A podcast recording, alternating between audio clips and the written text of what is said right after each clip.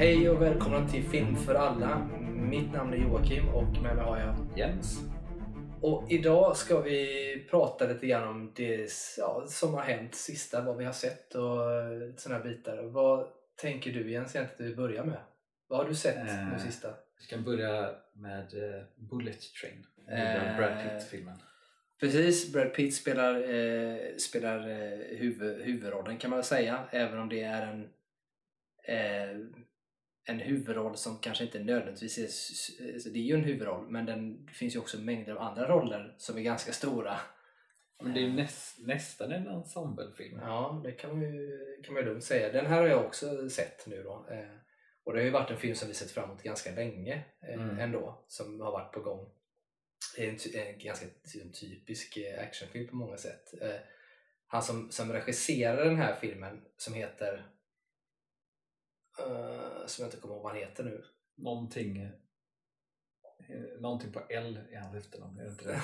Något sånt kanske det är. Men, men han som regisserar den här i alla fall har ju också varit med och regisserat eh, John Wick-filmerna eh, tillsammans med Chad Stahelski. Eh, även om det då sägs att det är Den första uncredited. John Wick var han ju med på, men han var uncredited. Ja.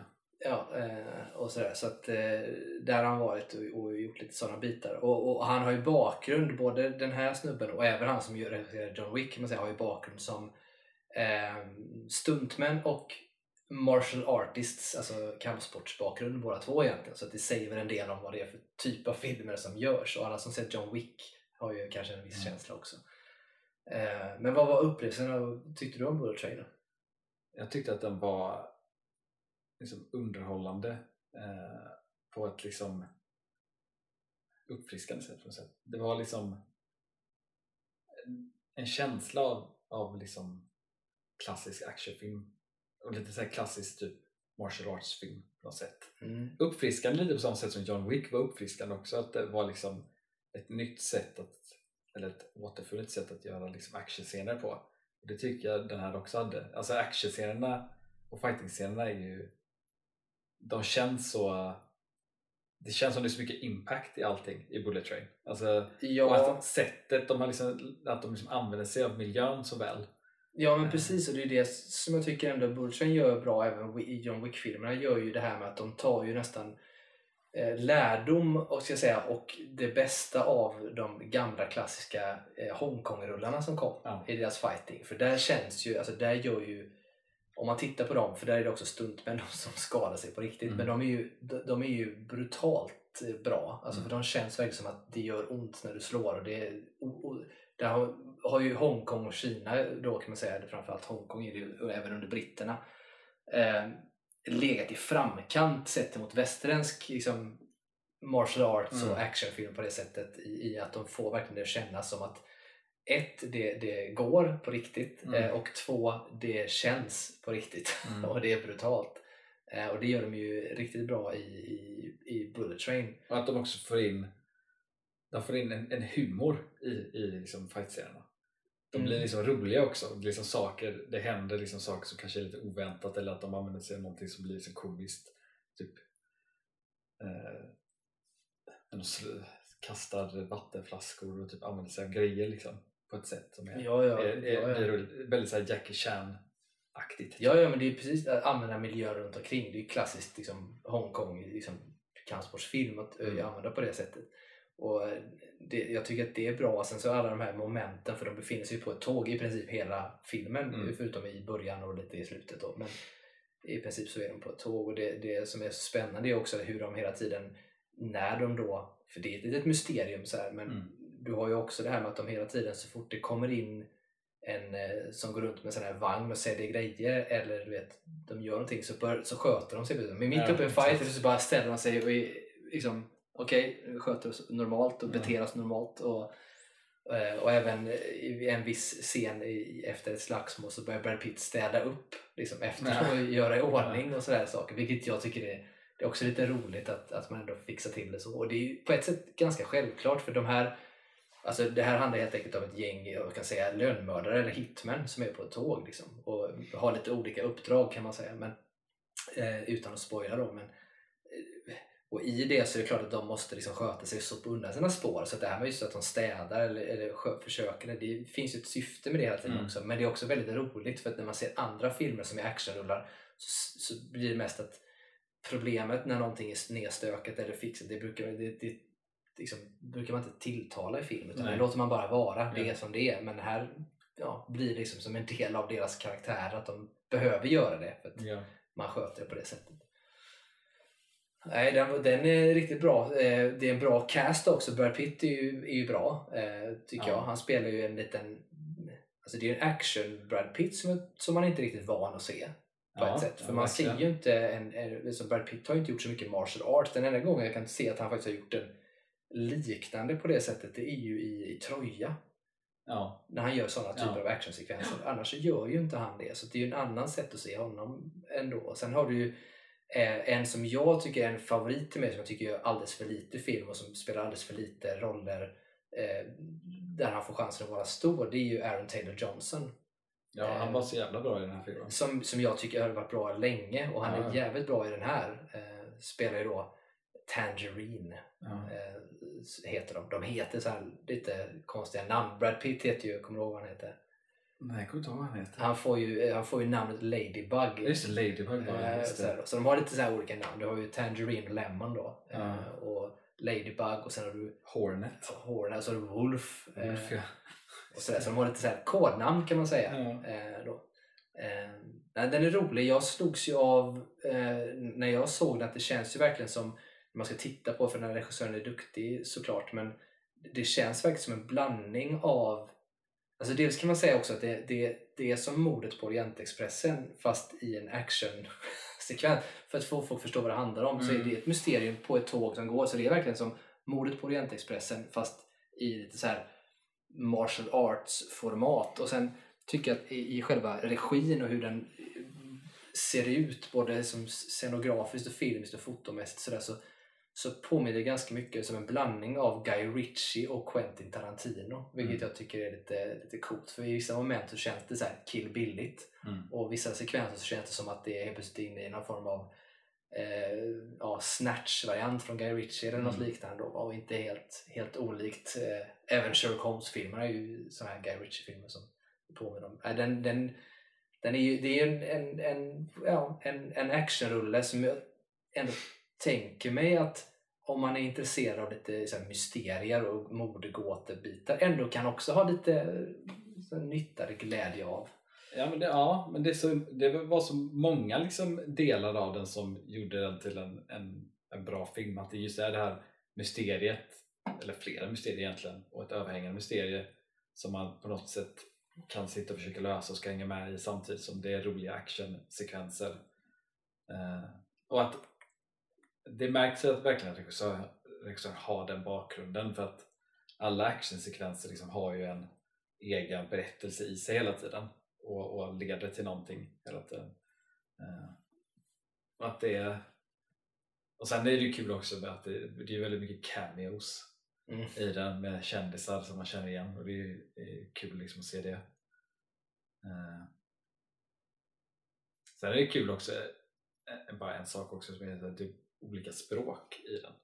Som eh, blir liksom, det, det tillför någon form av typ verklighetskänsla på något sätt. Att det är olika språk och att de pratar att liksom, är, är de japaner som pratar med varandra så pratar de japanska och inte Mm. engelska med varandra. Liksom. Mm.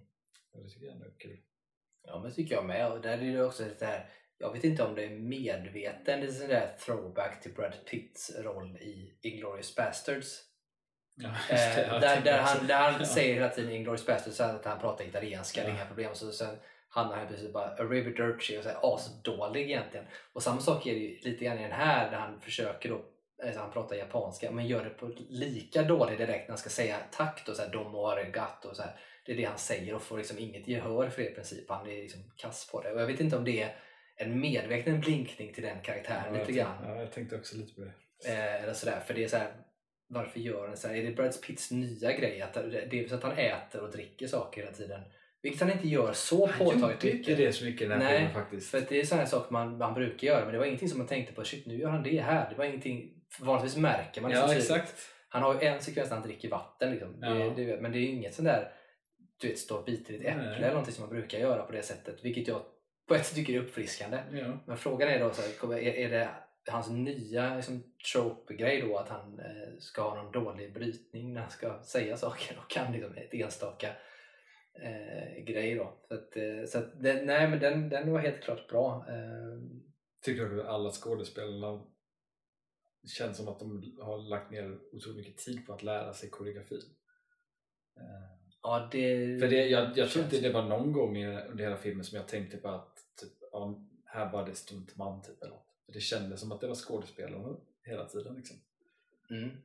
Eh, Det gör det. Och det, det, det är också sådana här saker, vet, man tittar på, det kan vara på en, en John Wick-film eller det kan vara som helst att man, man kan ibland känna att när man, när man slåss så är det lite så överdrivet, att ja, men så mycket tål man inte eller så. eh, Det är liksom, varför blöder de inte och så vidare. Men i den här filmen, även till viss del John Wick såklart, men i den här filmen tycker jag ändå att det, alltså, de blöder rätt fort och de får ont rätt fort. Eh, det är inte Ja. sådär super avancerat eh, att du, du tål hur mycket som helst heller utan det känns ju verkligen som att de får på nöten. Samtidigt ska jag säga att det inte är verklighetstroget ändå. Men det är, nej, ändå, det är ju verkligen en förhöjd verklighet. men det, men det är ju mer liksom, troligt än många andra om du bara jämför med, du kan ju titta på en film som gamla första Die Hard-filmen till exempel som också är sådär att du slåss mycket och alltihop och där hade du verkligen inte kunnat stå upp efter de slagsmålen och det är liksom lite jämförbart här att ändå man kan köpa det, det är inte för otroligt ändå. Men återigen, det är ju för att det är bra, bra kampsport och bra regi på det och, och att det känns som att varenda grej de gör ändå får en, en impact. Det Mm. känns liksom i kroppen på något sätt när man ser det. Eh, nej, men den är helt klart bra. Också ett bra, bra miljöval. Det är ganska tacksamt att göra film på tåg. Ja, det det. Eh, för det finns någonting i att du kan röra dig mellan vagnar med olika miljöer. Du kan gå till ställen där det kanske inte är så mycket folk. Du har eventuellt frakt, eh, godsvagnar om Mm. du skulle behöva. Eh, och en känsla av att du inte alltid kan fly heller. Utan du är liksom Precis, du är fast kvar. liksom. Och då måste du lösa på andra sätt eller Mm. hitta sätt att gömma dig på. Då, och så, där. Så, ehm, så tågfilmer generellt sett kan ju vara väldigt intressanta och ganska tacksamma att göra. Alltså en, av- en av mina favoritscener eh, scener är ju en scen som inte är slagsmål. Det är ju när eh, Tangerine och eh, Brad Pitt när de ska ut på eh, plattformen där och han, de ska liksom prata med, med bad guys, man säga. Och han håller upp den väskan där och ska köra på och råkar få upp den och visar innehållet. Den tycker jag, det tyckte jag var så jävla klockrent. Och hur de liksom även gör efteråt när de pratar om det. Båda två efteråt han bara "Oh, sorry, sorry. Was trying Mm. to sell it. Ja, för det är ju en, en del av drivkraften kan man väl säga. Eller inte drivkraften kanske, men det som ändå eh, driver framåt och som är eh, Brad Pitts, alltså Ladybugs eh, karaktärsdrag, stora drag i filmen. Dels så jobbar han mycket med sig själv, han går som psykolog, Ja. så han pratar väldigt mycket om att alla liksom, moment för eh, liksom, som är konflikt är också möjlighet för att växa och sådana saker. Han är ganska sådär eh, klyschigt sådär, Mm. psykologisnack som han har för sig. Men e- en av bitarna till att han gör det hela tiden, upp, upp, liksom, att det går fel, och så, det, det är att han har ju otur hela tiden, upplever han. Eh, jag tycker att han har otur allting går fel hela tiden. Medan sen så vänder det lite grann på det sen att det kanske inte är så ändå. Nej. Och, och att hans namn som Ladybug får han ju för att man vill ge honom, alltså man ger honom lite tur för Mm. det. Så hans handler säger det i början, att tur. Och sen så vänds det senare till att förklara att Ladybugs inte ger tur utan de, De håller, de tar de håller oturen, oturen. från andra kan man säga Ja. istället. Då, va? och så får det helt plötsligt en, en annan mening så, som växer i filmen. Så det är lite intressant ändå att det finns ändå lite sådana små man säga, filosofiska resonemang i det som kan vara lite intressanta. Samtidigt som att det är ingenting man berör sådär jättemycket men det, det finns ändå med och man börjar inse det i, i slutet rätt mycket också ska man tillägga. Ehm, och så. så att, nej men den är sjukt sjukt bra. Underhållande film. Ja, och sen så tycker jag, för jag gillar ju så här klassiska MacGuffin som man kallar det i Mm. filmspråk, när man har ett objekt som eh, man egentligen inte vet, behöver inte veta vad objektet är eller vad det har för betydelse, men det har en betydelse. Och jag tyckte att det var liksom kul att de hade de olika MacGuffin, liksom den här väskan, även pistolen. Liksom. Mm. Eh, Och även en McGuffin, en liksom anti-McGuffin på något sätt att Brad Pitts karaktär inte, inte tar pistol och inte vill ha pistol och då blir det på något sätt en, en så här man hänger med så här, kommer han ha pistol någon gång? Eller kommer det, han nej, för det, jag håller med, det är ett väldigt intressant eh, grepp faktiskt. Man pratar just dramaturgiskt och använder sig av olika McGuffins. Och i det här fallet då när man inte tar en pistol, att det blir en sån anti-McGuffin. För vad kommer det ge för... Och, och det är lite grann så här, vad ger det för effekt egentligen? Och det blir ju nästan som om man pratar dramaturgi så finns det något som heter alltså, Chekhovs gun också. Eller så här, alltså Chekhovs eh, pistol helt enkelt. Som är en sån här, när någonting introduceras, men då måste det ge en payoff Mm. sen. Så att, och man kan ju på ett sätt ändå hänvisa till att hans sätt att inte ta pistolen kanske är en Chekhovs gun, men att det ger lite payoff på att han inte tar den ändå, fast det kanske det inte gör. Men...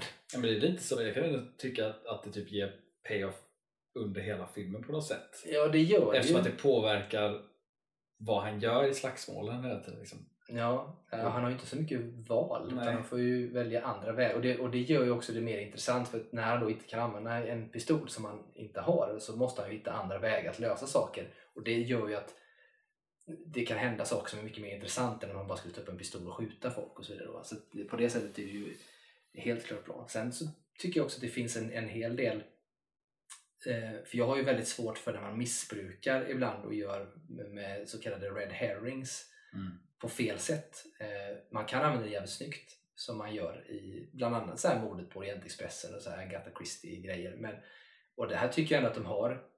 De har ju ett antal sådana red herrings i den här som jag ändå tycker är bra. Det är Mm. ingenting som man känner att man blir överjävligt sur på. Liksom. Utan det känns, eh, känns ändå bra. Så Sen tyckte jag också att en, en liksom rolig grej i filmen var liksom hur ändå liksom rimliga de var mot varandra.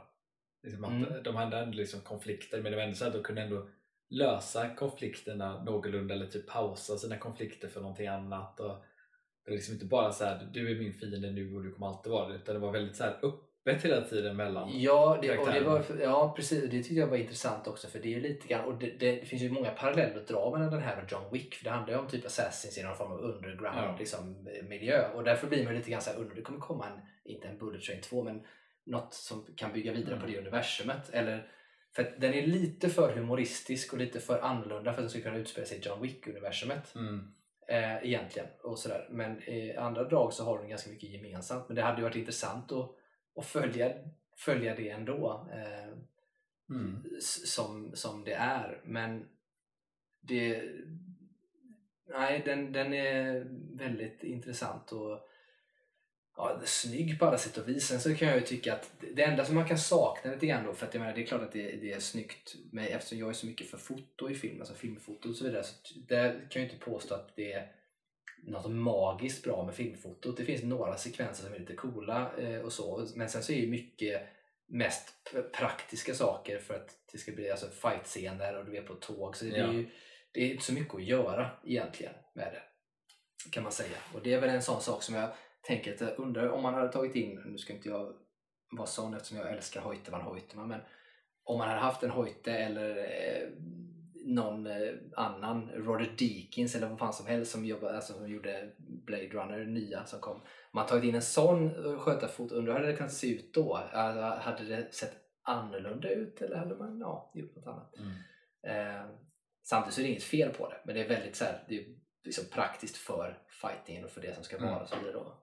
Så att, ja, nej, jag eh, tycker att den var som sagt väldigt, väldigt underhållande eh, Mm. Och en, eh, en kul film på alla sätt och vis. Det är ju det är en enkel film eh, att, att se på. Det är underhållande, det är, liksom, det är både ett mysterium, intressanta liksom, slagsmålscener och inte bara ett mysterium, det är fler mysterier. Mm. Och, och karaktärer som kommer in och som försvinner och som kommer in och som försvinner och så Mm. så man undrar vad är de kopplade till och varför är det på det här sättet. Och så, så man, får, man är hela tiden med i den biten vilket Mm. jag tycker är, ja, det, det är på många sätt en, en komplett film sett till underhållningsvärde. Ja, verkligen.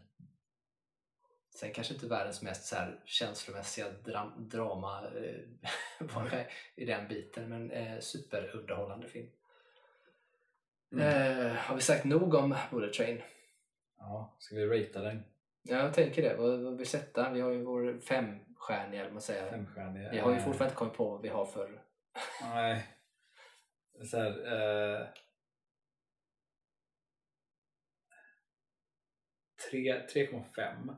Du och dina halvor alltså. Eh, Ja, alltså 3,5 om jag så skulle säga om jag liksom bara tar så film i allmänhet. Men skulle jag ta det för sin genre så skulle jag ge den en 4. Mm. Egentligen så borde vi ha en sån här, alltså, man, man borde ju på något sätt ändå sätta så här, vad, vad, vad är det vi tittar på? så att man får ner det inte. Men jag kan inte, oavsett genre, för att det blir alltid så att man sätter, ratear en film överhuvudtaget så får man se det till vilken genre den tillhör och hur bra den är i den genren. Sen så är det klart att en, en, en fyra i den genren och så jämför med en dramafilm som har en fyra i sin genre jämför man de två mot varandra så kommer ju kanske den ena vara en bättre film än den andra. Alltså ändå sett till, Ja, till är, film. då, blir det liksom, då blir det andra saker man tittar på. Ja, och därför tänker jag mig att just att göra så. Jag försöker alltid tänka en helhet ändå. Jag tänker inte prata genre så sätt. Utan, men jag, det blir att man tänker genre, men man pratar inte genre. Jag sätter, eh, jag sätter en fyra på den. Så tycker jag ändå. Den är, den är inte per, perfekt, men den är eh, snudd på. Jag tycker om man ska vara lite sådär så kan jag nog nästan sätta alltså, på en film, alltså om man ska göra en jämförbar film som jag tycker är lite liknande sådär som kan få högre än en fyra så är det jag kanske får ångra det här sen och äta upp det men då är det nog fan John Wick alltså. John Wick första filmen, det är för mig en femma liksom. Är det. Det, är, det är som en, en perfekt film i det, i, det, i det formatet. Samtidigt så vet man att femma är, det, det är en hög Mm. hög poäng också men om man ska jämföra då att den, den är lite bättre för det är lite bättre foto, det är lite mer drama, det är lite mer stakes eh, och lite på det sättet och, Mm. så att det är ja, det lite gradskillnad kan man säga. Nej men jag sätter en fyra. Så det får det vara så. Jag kanske får ångra mig sen. Liksom. Om några år sänker alla, alla betyg. Man ändrar sig.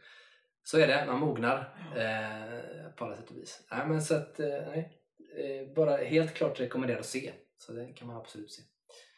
Eh, vad har vi mer som vi tänker ta upp? Du hade sett några Eh, ytterligare saker? Jag har ju sett eh, 3000 years of longing, Mm. tror jag den heter. Mm. Som är George Millers nya film. Mm. Eh, George, George Miller i allmänhet, det har han gjort Mad Max Ja, och Babe. Ja, Babe, ja precis. Vilket är det, Det, det jag tycker är så kul med honom är att han gör så himla olika filmer. Ja, så är det. Men jag kan ju säga att han är ju verkligen han är ju universumskaparen och figuren till Mad Max-filmerna. Ja. Det, det är det han kanske är mest känd för och som är hans storhet kan man säga. Eh, så. Nej, men jag, den här 3000 years of longing är en film som jag har sett. Det är ju Idris Elba och Tilda Swinton. Ja. Eh, och jag har ju sett fram emot den jättelänge. Jag har ju velat se den men jag har inte vågat se den. För, just för att jag har sett fram emot den. Jag, jag har inte sett den än. Men jag vill gärna höra vad du har att säga utan att du Utan att spoilar. spoila. Ja, men det är typ, alltså, om man bara tänker sig Idris Elba och Tilda Swinton. Alltså när jag såg trailer på den eller till och med innan jag såg trailer och bara läste att det var de två så var jag såhär, ah, undrar hur de två kommer vara Mm. mot varandra. Men jag tycker att jättebra liksom, eh, skådespelarpar. Mm. Jättebra att liksom, mot varandra och man känner att de, har, alltså de är på väldigt så här hög kaliber i den filmen också, Mm. skådespelarmässigt. Vi kan ju börja bara ta oss lite kort då, så att folk vet vad är det för typ av film? Alltså, vad är det för typ av film, vad är det för genre och vad är det för, för handling kan man säga? Vad är det för genre? Genren är väl Drama. drama med liksom eh, inslag av fantasi. Mm. Eh, för det handlar ju om en eh, Idris Elba är ju en, en eh, ande i flaska så att säga. Mm. Eh, en genie. Och det handlar ju om liksom hur, hur han hamnade i hennes händer så att säga. Mm. Det, det är ju det de här eh, titeln är till att han har eh, det har tagit 3000 år att hamna där han hamnat liksom. Eh, sen så går det liksom inte, det är inte liksom att de går in på och försöker förklara vad en ande är liksom. eller att liksom är, vad sånt är utan det, det, det är mer som att det finns eh, och att folk inte är medvetna om det.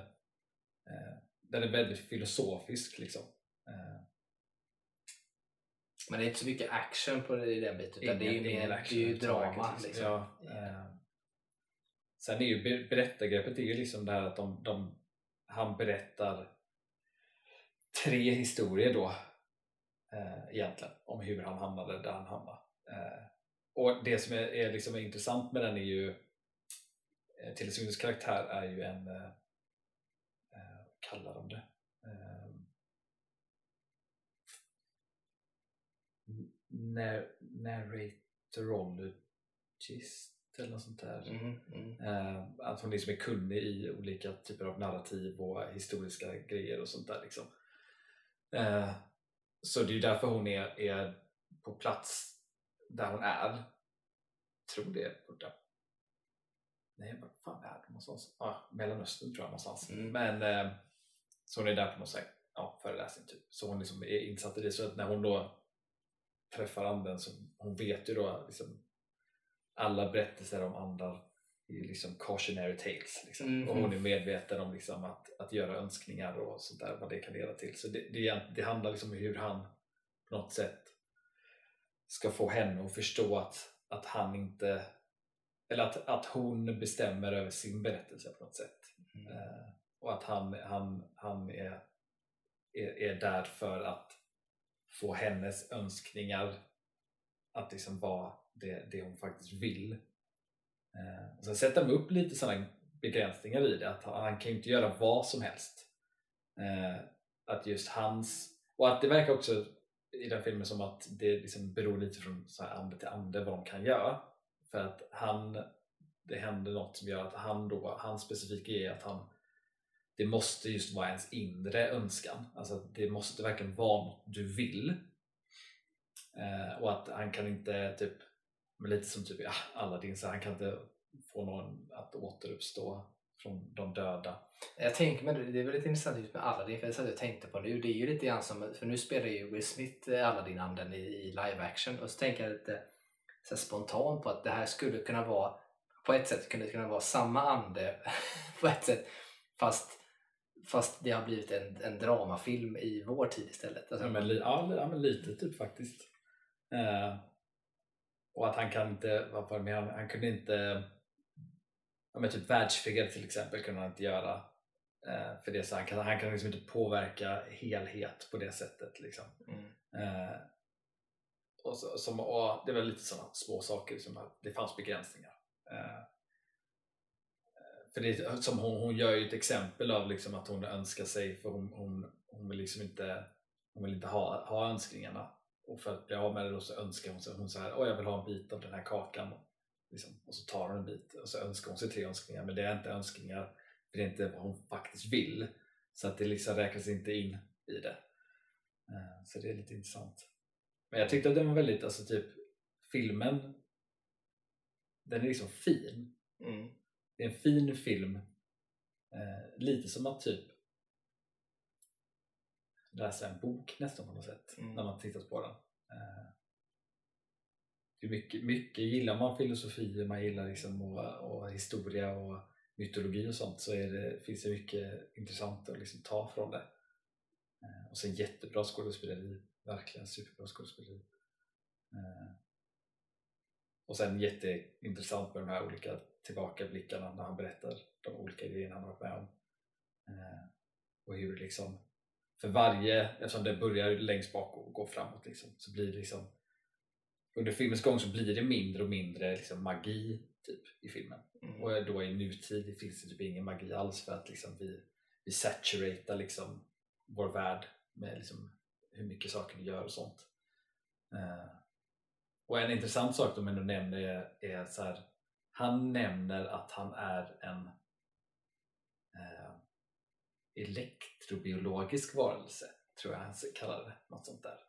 Eh, och att, att han kallar människor att vi, är- vi är liksom humans are made of dust and uh, genes are made of electrowaves typ så, så att det är liksom skillnader på vad vi är typ, på det sättet.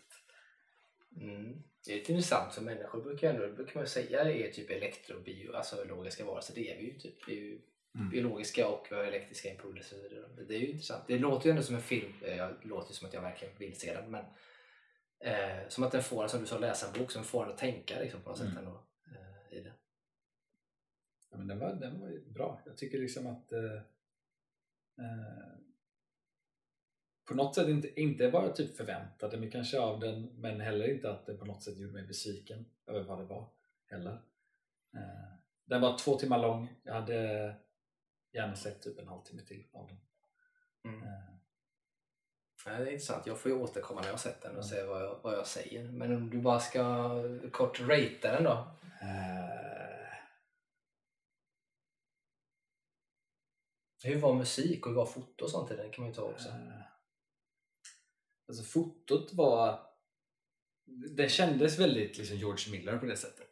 Han har ju så här, vad ska man säga, hans, hans foto är ju, eller hans film är ju väldigt så färgrikt och väldigt kontrast och liksom överdriven.